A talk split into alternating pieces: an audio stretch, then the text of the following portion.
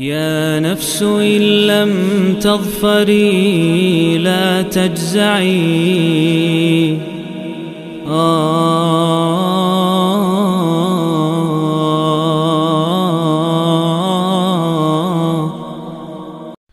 Bismillahirrahmanirrahim Alhamdulillah Wassalatu wassalamu ala rasulullah Ba'd Masih bersama program 114 hari jelang bulan Ramadan Sajian 7 menit per pertemuannya mengkaji secara ijmali, secara global Surat-surat dari Al-Quran Dari Al-Fatihah sampai An-Nas Dan di pertemuan kelima ini kita akan mengkaji surat Al-Ma'idah Sesuai urutan surat kelima yang terdiri dari 120 ayat dan surat ini madaniyah. Surat ini madaniyah dan turun setelah surat Al-Hazab, surat ke-33 dan turun sebelum surat Al-Mumtahanah, surat yang ke-60. Dan surat ini dinamakan Al-Maidah karena di ayat 112 Allah kisahkan kisah Ashabul Maidah itu orang-orang atau Ashabus Sabat juga disebutnya. Orang-orang dari kaum Nabi Isa alaihissalam sebagian yang request minta dengan kekeh padahal sudah diperingatkan Nabi Isa mereka request minta agar Allah menurunkan uh, hidangan dari langit. Maka Allah Subhanahu wa taala kemudian sudah minta janji dan tegaskan ke Nabi Isa, "Nih kalau aku turunkan nanti mereka ingkar, akan ku azab dengan azab yang belum pernah aku azab atau tidak ku azab dengan yang satu kaum pun." Yang kata Allah, "Faman yakfur ba'du minkum fa inni u'adzibuhu 'adzaban la u'adzibuhu ahadan minal alamin." Ya, ternyata sudah diturunkan mereka tetap ingkar dan dihukum uh, diubah menjadi karmakumullah babi. Karenanya itu seperti contoh bentuk ingkar janji dan memang surat ini tema besarnya adalah janji, pemenuhan janji. Awal surat saja ayat pertama Allah Subhanahu wa taala sudah buka dengan ya ayyuhalladzina amanu aufu bil uqud. Wahai orang-orang beriman, penuhilah janji. Penuhilah perjanjian kalian. Laksanakanlah, jangan khianati. Dan ini panggilan pertama, artinya surat pertama yang turun dengan panggilan ya ayyuhalladzina amanu. Kalau kita lihat dari awal. Ini surat An-Nisa misalnya, ya ayyuhan nas. Nah, surat Al-Maidah ya amanu. Wahai orang yang beriman. Dan ada 16 panggilan ya ayyuhalladzina amanu di surat Al-Maidah. Dari total 88 panggilan ya ayyuhalladzina amanu di seluruh Al-Qur'an. Ini istimewa sekali. Karenanya ya kita tentu sadar jadi betul-betul ini isi surat ini adalah panggilan-panggilan keimanan. Panggilan-panggilan supaya orang yang beriman tuh tunduk patuh kepada aturan-aturan Allah yang begitu lengkap di surat ini. Dan kita ingat Ibnu Mas'ud katakan kalau kau mendengar ada ayat ayyuhalladzina amanu maka far'ilah sam'ak. Pasang pendengar baik-baik fa innahu khairun tu'maru bihi aw syarrun tunha anh. Karena itu pasti adalah kebaikan besar yang kalian diperintah atau larangan besar yang kalian dilarang keburukan besar yang kalian dilarang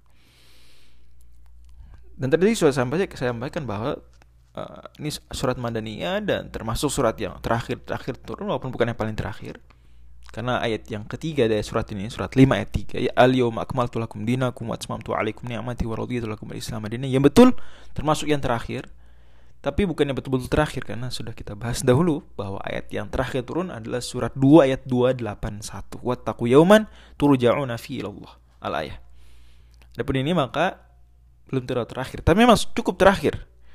Karena dia turun di tanggal 9 Zulhijjah saat Nabi wukuf di Arafah sedang haji wada sore-sore antara asar dan maghrib. Masya Allah. Karena di sini sajiannya lengkap ya.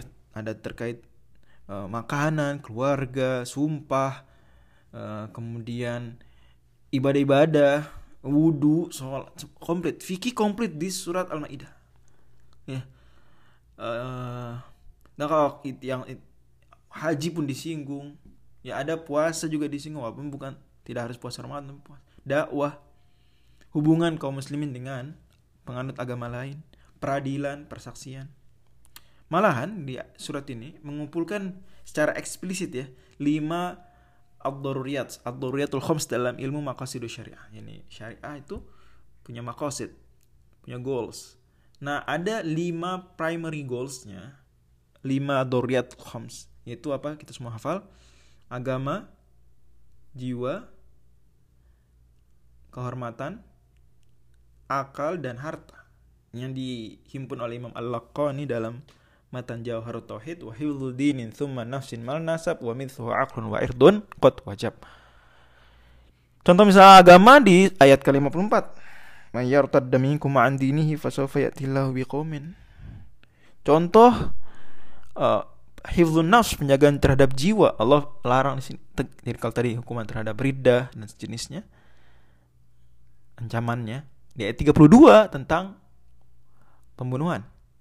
Min ajli dzalika katabna ala bani israil annahu man qatala nafsan bighairi nafsin aw fasadin fil ardi fa ka'annama qatala nas nas jami'a. Tentang penjagaan kehormatan ya, Allah tegaskan larangan berzina di ayat kelima ya. Al yawma yuhillukum thayyibat wa ta'amul ladzina utul kitaba lakum terus wal muhsanatu.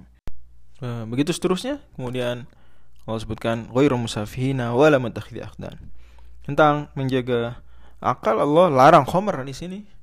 Dan ayat yang terakhir turun terkait dengan khomer ayat ke-90 ya alladzina amanu innamal khamru wal maisir wal ansab wal azlamu rijsun min amali syaitani fajtanibuh. Tentang menjaga harta Allah sebutkan pidana pencurian wasariq di ayat yang ke-38 wasariq wasariqatu faqata'u aydiyahuma.